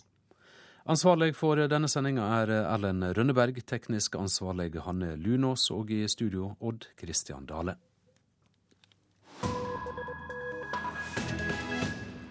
Og her i Nyhetsmorgen skal vi høre om to atommakter og en superstjerne i en rolle han ikke har bedt om. Dette er nemlig ingrediensene i det siste stordramaet fra Bollywood. Men denne forestillingen blir garantert ingen kassasuksess. Denne gang er det nemlig virkeligheten som har lagt seg dikte, og Indias filmyndling nummer én er fanget i et plott som ikke er ferdig skrevet. Rukh Khan er ikke uvant med å fylle overskriftene i indiske medier. Han er Bollywoods største stjerne i og utenfor India. Khan er også enormt stor i Pakistan, hvor hans far ble født i Peshawar. Da Shahrukh Khan luftet tanker om oppsider og nedsider ved å være muslim i India og superkjendis, skrevet i jeg-form i en artikkel i nyhetsmagasinet Outlook, startet noen av de mest intense 24 timene i hans liv utenfor lerretet. 24 hours of unrequired controversy is more than enough for all of us, I assume. I artikkelen skrev Khan fra tid til annen blir jeg beskyldt for å ha nærere tilknytning til vårt naboland enn mitt eget land, og enkelte politiske ledere bruker min person til å fabrikkere et bilde av alt som er upatriotisk og galt med muslimer i India. That on some occasions my being an Indian Muslim film star is misused by bigots and narrow-minded people who have misplaced for very, very small gains. Pakistans innenriksminister Rehman Malik luktet politisk gevinst og tok seg ikke tid til å avvente reaksjoner i India, og sa at Indias myndigheter burde vurdere særskilte sikkerhetstiltak rundt Shahrukh Khan. Indias innenriksminister RK Singh svarte kontant at India er i stand til å ivareta sine innbyggeres sikkerhet, og at Malik burde konsentrere seg om sikkerheten i Pakistan.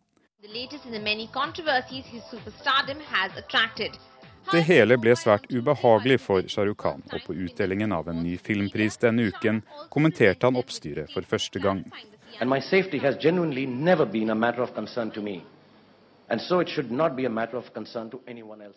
Jeg har levd et ekstremt velsignet liv, og jeg føler meg trygg og lykkelig i India.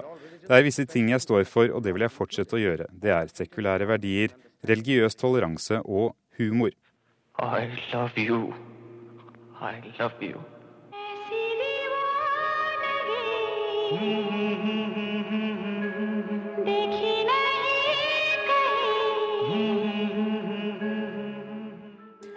Khan fikk sitt gjennombrudd med en av de to mannlige hovedrollene i kjærlighetsdramaet 'Divana' i 1992.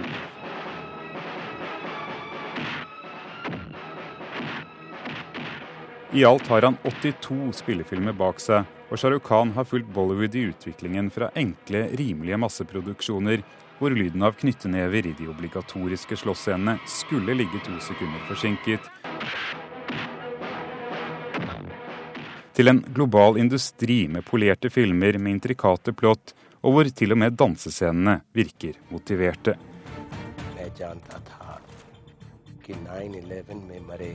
My name is Khan, and I'm not a terrorist. I den påkostede filmen 'Mitt navn er Khan' tar Shahrukh Khan opp hvordan det er å leve som Khan, en muslim av afghansk nedstamning etter 11.9.2001. Og i sine uttalelser etter den mye omtalte artikkelen denne uken fortsatte Shahrukh Khan å spille på sitt navn, og hvordan det er å være en Khan i dagens India. So I am a Khan, but no stereotyped image is factored into my idea of who I am. Instead, the living of my life has enabled me to be deeply by the love of millions of Indians. Og det var reporter Philip Lote som hadde laget eh, denne reportasjen. Overskrifter eh, hos oss i Nyhetsmorgen. Det kommer kraftige reaksjoner på at Arbeiderpartiet åpner for å utrede oljeleting i Lofoten. Israel har angrepet mål inne i Syria. Målet for luftangrepet er uklart. Og dyre biler blir smuglet ut av Norge og til Øst-Europa.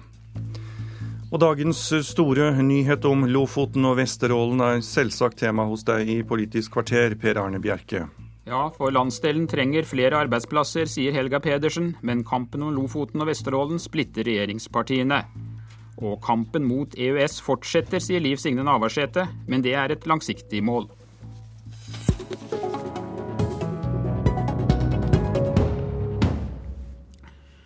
Flertallet i Arbeiderpartiets programkomité vil altså bore etter olje utenfor Lofoten og Vesterålen. Og leder i programkomiteen og nestleder i partiet, Helga Pedersen, med meg fra Bodø. Hvorfor vil dere åpne for oljeboring i disse sårbare områdene? Det har vi ikke tatt eh, stilling til. Det vi foreslår er at det skal gjennomføres en eh, konsekvensutredning. Og da er vel neste skritt boring? Det kan bli det, eh, men det kan også bli det motsatte. Eh, vi vet at det er mange og sterke meninger eh, om petroleumsvirksomhet i de områdene vi her snakker om. Det handler om behovet for nye arbeidsplasser, videreutvikle en sterk norsk petroleumsnæring og leverandørindustri. Men det handler også om å ta vare på miljøinteresser, og ikke minst ta vare på forholdet til fiskerinæringa. Poenget er at at når det er så sterke synspunkter begge veier, så mener jeg det eneste riktige nå, det er å eh, få på bordet en konsekvensutredning, involvere demokratiet i utarbeidelsen av den. Så har vi et skikkelig grunnlag for å ta stilling. Men betyr dette forslaget som dere legger fram i Bodø nå i formiddag, at hensynet til arbeidsplasser egentlig veier tyngre enn hensynet til miljøet? Arbeiderpartiet er jo alltid opptatt av å skape nye arbeidsplasser, og ikke minst eh, i den landsdelen jeg representerer. Eh, samtidig er det sånn at eh, Arbeiderpartiet alltid har stått for en skrittvis og kunnskapsbasert tilnærming til petroleumsaktivitet. Og det skal vi også ha i Nordland 6, 7 og Troms 2. Vi har ikke forhåndskonkludert på hva som er riktig å gjøre her, men vi er veldig opptatt av at det neste neste naturlige skrittet nå, det er å gjennomføre en konsekvensutredning. Så får vi fakta på bordet, får vurdert ulike argumenter opp mot hverandre, hørt på alle interesser, og så ta stilling. Men Helga Pedersen, disse områdene blir da betegnet som helt unike. Og vi har en rekke andre oljefelt med store forekomster. Flere av dem er ikke satt i gang utvinning på ennå. Hvorfor er det ikke mulig å verne akkurat dette området og si ja til varig vern av Lofoten og Vesterålen? Jeg mener at altså Nå har jo regjeringa eh, fått et stort kunnskapstilfang, i tråd med det regjeringa var enige om når man eh, reviderte forvaltningsplanen for eh, Lofoten og Vesterålen. Og Det kunnskapstilfanget har gitt oss mer informasjon om hva som kan ligge her av petroleumsforekomster, ressurser, sysselsettingseffekter, og gjør også en del vurderinger rundt miljø og forholdet til fiskeriene. Og eh, med det som ligger på bordet nå, så, så, tilsier det en konsekvensutredning der man altså får eh, ordentlig vurdert eh, de ulike forholdene opp mot hverandre, og så konkludere. Hvordan har du tenkt å overbevise regjeringspartner SV og dine egne politikere og F om at det er riktig å konsekvensutrede dette området? Ja, Nå skal jo først Arbeiderpartiet sin partiorganisasjon ta stilling til dette spørsmålet på landsmøtet vårt i eh, april. Eh, og så er det sånn at vi har ambisjon om å vinne valget sammen med våre gode venner i SV og Senterpartiet. Og helt siden regjeringa eh, kom sammen i 2005, så har det vært eh, ulikt syn på petroleumspolitikken i de tre partiene. Men vi har klart å finne eh, løsninger gang på gang, eh, år for år. Vinne valget, sier du. men men tidligere denne uka så presset dere Senterpartiet på plass i EØS-saken, og nå utfordrer dere SV i partiets virkelige store hjertesak. Hvordan vil du si at det egentlig står til med det rød-grønne samarbeidet? Jeg mener det står eh, bra til. Eh, vi har formidable resultater å vise til. Ja, vi har gode resultater å vise til både når det gjelder miljø og når det gjelder å skape nye arbeidsplasser. Vi står sammen om en samfunnsretning tufta på fellesskapsverdier og eh, rettferdighet. Og vi ønsker veldig sterkt å ta Norge videre sammen med SV og Senterpartiet. Og det er ikke noe dramatikk over at Arbeiderpartiet, SV og Senterpartiet har ulikt syn syn på olje- og gasspørsmål. Det har vi hatt helt fra starten, og vi har funnet løsning på det eh, helt fra starten. Nå anklager dere stadig de borgerlige partiene for sprik og for manglende klare alternativer. Hvordan synes du det argumentet står nå i dag? Eh, jeg synes det står seg eh, godt, eh, fordi at vi før valget i 2005 avklarte en del grunnleggende spørsmål der vi var i utgangspunktet uenige, men der, vi ble enige om hva som skulle være grunnlaget for den rød-grønne regjeringa.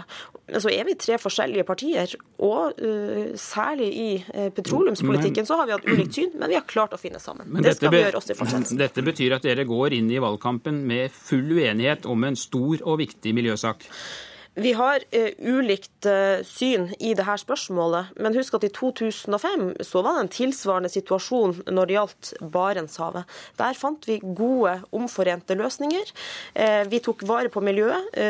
vi fikk ny vekst for det fylket jeg representerer. Og fra fiskerinæringa så opplever jeg at man er veldig godt fornøyd med de løsningene man den gangen fant. Takk skal du ha, Helga Pedersen, med meg fra Bodø. Miljøvernminister og nestleder i SV, Bård Vegar Solhjell. Hvordan reagerer du på at Arbeiderpartiet vil åpne for oljeboring utenfor Lofoten og Vesterålen? For det er jo det de vil. Ja, Det er et kjent Ap-standpunkt gjennom mange år, som de nå sier tydeligere at de står for. Og jeg syns på mange måter vi har diskutert olje og miljø for lite de siste åra. Så jeg gleder meg til den debatten, men jeg er sterkt uenig i innholdet. Vi må holde Lofoten, Vesterålen og Senja oljefritt. Det er våre viktigste gyteområder for fisk. Det er spesielt sårbare naturområder. Sysselsettinga, altså arbeidsplassene i fiskeri og, og reiseliv, overgår mange ganger det som er potensialet i olje, og derfor er vi imot uh, å åpne for oljeboring. Ja, men med de argumentene du kommer med nå, kan du i det hele tatt sitte som miljøvernminister i en regjering som sier ja til oljeleting utenfor Lofoten Vesterålen? Altså, Jeg sitter miljøvernminister, som miljøvernminister i en regjering som er mot oljeboring. Det er et standpunkt ja, men... vi har basert på den kunnskapen vi har, og som, der SV har vunnet gjennom. Og tro meg, vi kommer ikke til å svikte et oljefritt Lofoten. Ja. Vi har vunnet gjennom med vårt syn før, og det kommer vi til å jo, gjøre igjen. Men eh, Betyr det du sier nå at dere kommer til å stille et ultimatum da, hvis dere kommer så langt at dere skal begynne å forhandle om en Soria Moria 3? Det betyr at det her er en helt avgjørende sak for oss, der vi har vunnet gjennom med våre argumenter før, og der vi har tenkt å gjøre det igjen. Vi kommer ikke til å svikte et oljefritt område, eller et oljefritt Lofoten, Vesterålen og Senja. Og så har vi, vi har nemlig kunnskap på et svært viktig nytt område. Og det er at store deler av verdens kull og olje må bli liggende under bakken hvis vi skal nå klimamålene våre. Og da kan ikke vi begynne med å bygge ut i de mest sårbare områdene som er viktigst for fiskeriet. Jo, men det du sier nå, Bård Vegar Solhjell, kan ikke tolkes på noen annen måte. At det enten må Arbeiderpartiet gi opp sitt standpunkt til Lofoten og Vesterålen, eller så blir det ikke noe rød-grønn regjering etter valget hvis dere nå skulle vinne. Ja, altså, Arbeiderpartiet har jo gitt opp det standpunktet de forrige rundene. Og det må de gjøre en gang til hvis de skal ha med SV. Jeg, jeg tror de kommer til å gjøre igjen, for argumentene mot oljeboring og det som heter en konsekvensutredning som tar sikte på oljeleting, er så sterke i de områdene her, både fordi det er viktig for natur, fordi de har viktige fiskeribestander, og fordi vi vet at klimaendringene eh, skapes av bl.a. olje. Og vi må la noen av de ressursene ligge. Da er det i hvert fall sikkert at vi bør la de mest sårbare områdene ligge. Men hvordan kan du tro at Arbeiderpartiet vil gi opp dette standpunktet? Det er én av 16 i programkomiteen som sier nei. LO er for, og vi vet at det er veldig mange Arbeiderparti-velgere i Nord-Norge er for. Hvordan kan du tro at partiet vil gi opp dette standpunktet? Det er to grunner til at jeg tror at SV igjen kommer til å vinne igjennom med vårt syn om et oljefritt Lofoten, Vesterålen og Senja. Det ene er at vi har gjort det før. Det har vært ulike syn i petroleumspolitikken, som Helga Pedersen sa. Og vårt syn har vunnet gjennom eh, fordi vi har prioritert det veldig høyt. Men det andre er jo kunnskap. Vi har omfattende kunnskap om hvor alvorlige konsekvenser olje utenfor Lofoten kan få. Nå har vi òg kunnskapen om at store mengder av vår olje må bli liggende hvis vi skal ta klimamålene på alvor. Derfor kommer vi til å beholde et Lof eh, oljefritt Lofoten, Vesterålen og Senja. Det føler jeg meg trygg på. Så det er helt sikkert at dere kommer ikke til å gå inn for å bygge. Dere kommer ikke til å sitte i en regjering. Det er det du nå sitter og sier. At enten er det nei til Lofoten og Vesterålen, eller så blir det ingen rød-grønn regjering. Det er ikke mulig å tolke det på noen annen måte. Det jeg sier, det er at uh, vi har vunnet gjennom med vårt syn før, fordi vi har svært sterke argumenter. Nå har vi ny kunnskap på klimaområdet som styrker dem, og det er en helt avgjørende sak for SV. Uh, så skal vi komme ut og finne løsninger, og hvis vi vinner valget og SV blir sterke, så kommer en av de mest avgjørende sakene oss, for oss til å være at vi fortsatt skal legge vekt på miljø i spørsmålet om eh, olje utenfor Lofoten. Takk skal du ha for at du kom hit, nestleder i SV og miljøvernminister Bård Vegar Solhjør. Ja, Det har eh, vært ei tøff uke for de to minste regjeringspartiene. Mandag sa statsminister Jens Stoltenberg at det ikke er snakk om å endre EØS-avtalen.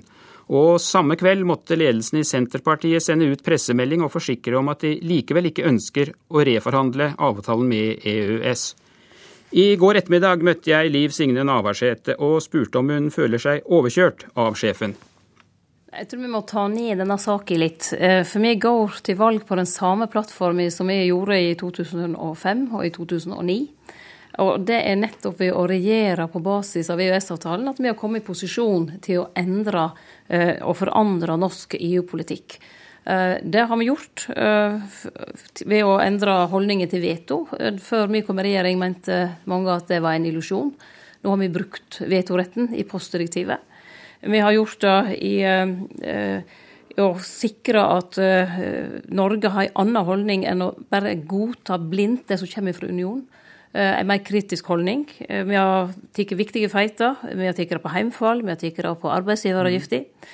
Og vi har òg ei holdning til at Norge ikke skal stå med lua i handa. Senterpartiet har vært bidragsyter til ei holdningsendring som ikke hadde vært der hvis vi ikke hadde sittet i regjering. Så må jo noe ha skjedd her. For i Nasjonen på mandag så uttalte du det på en måte som kunne tolkes som at du ønsket reforhandling. Og så sender dere ut en pressemelding et døgn etterpå hvor dere fastslår at det ikke blir reforhandling.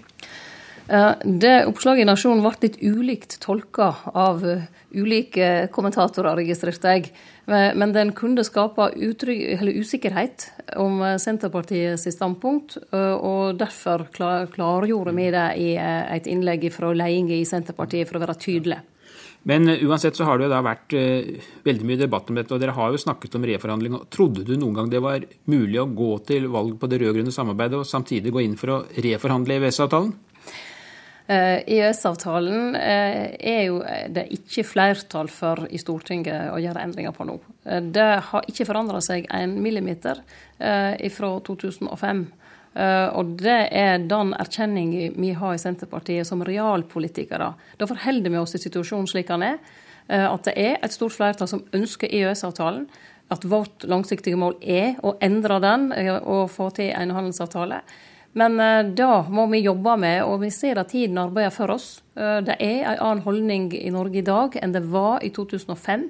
Det er en mer åpen holdning, det er en mer kritisk holdning. Og vi har fått en annen debatt i det offentlige rom om EØS. Og det er jeg stolt av at Senterpartiet har medvirka til. Lederen i Senterungdommen, Sandra Borch, sier at eh, kampen mot EØS fortsetter. Hva sier du? Helt klart uh, vil kampen mot EØS fortsette. Der er Sandra og Senterungdommen og jeg helt enige. Uh, Senterpartiet har hatt en ei klar holdning helt siden avtalen kom i stand, om at det er en avtale som griper for sterkt inn i det norske folkestyret på mange viktige områder, og at den må erstattes med handelsavtaler og andre avtaler.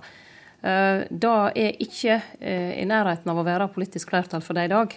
Eh, og da rydda vi til side den tvilen for å kunne ta de viktige debattene om enkeltsaker innenfor EØS, og om òg det demokratiske eh, system som EØS er en del av. Sett i ettertid, eh, kunne denne saken vært løst internt i regjeringen i stedet for i full offentlighet, der både du og statsministeren har vært deltakere i debatten? Det, eh, saker kan alltid eh, i etterpåklokskapens lys håndteres annerledes. Eh, men eh, jeg mener denne saken her har vist at eh, ja, Arbeiderpartiet og Senterpartiet har ulikt syn på EØS. Det er ingen overraskelse for noen. Eh, det har vi visst. Det har òg vært veldig tydelig at Arbeiderpartiet vil og skal regjere på grunnlag av EØS. Og for Senterpartiet har erkjente vi det i 2004 at det var ei en nødvendig semje for å kunne regjere sammen med Arbeiderpartiet. Eh, det samme gjelder at Arbeiderpartiet ikke tar initiativ for å søke EU-medlemskap. og Det er jo den eh, som enkelte kaller terrorbalansen som har ligget der, og som òg vil ligge der. Men den tar ikke ifra Senterpartiet både rett og mulighet til å drøfte EØS. Og til òg å vise svakheter ved en avtale som vi mener er udemokratisk i sin form. Nå har altså Arbeiderpartiet tvunget dere til å svelge kameler i denne saken. Hvor viktig er det for Senterpartiet å få gjennomslag i andre saker, f.eks. det kommende jordbruksoppgjøret? Eh, jeg er ikke enig i eh, den framstillingen at vi har svelgt kameler. Dette var en diskusjon Virker sånn, da. Ja, det kan virke sånn i media, men dette var en diskusjon Senterpartiet tok i 2004. Eh, og den har ligget fast hele veien. Eh, så den eh, uklarheten som har oppstått, eh, den kan vi være med og ta ansvar for. Men at vi har svelget noen kamel nå, mer enn vi gjorde i 2005 og 2009, det har vi ikke gjort. Men det vil uansett være viktig for Senterpartiet å få gjennomslag i viktige saker for partiet. Og det er ei bredde av saker som vi arbeider hardt med. Ja, det var Politisk kvarter torsdag. Denne sendingen kan du også høre ved å gå inn på nrk.no og laste den ned som podkast. Her i studio Per Arne Bjerke. Du har hørt en podkast fra NRK P2.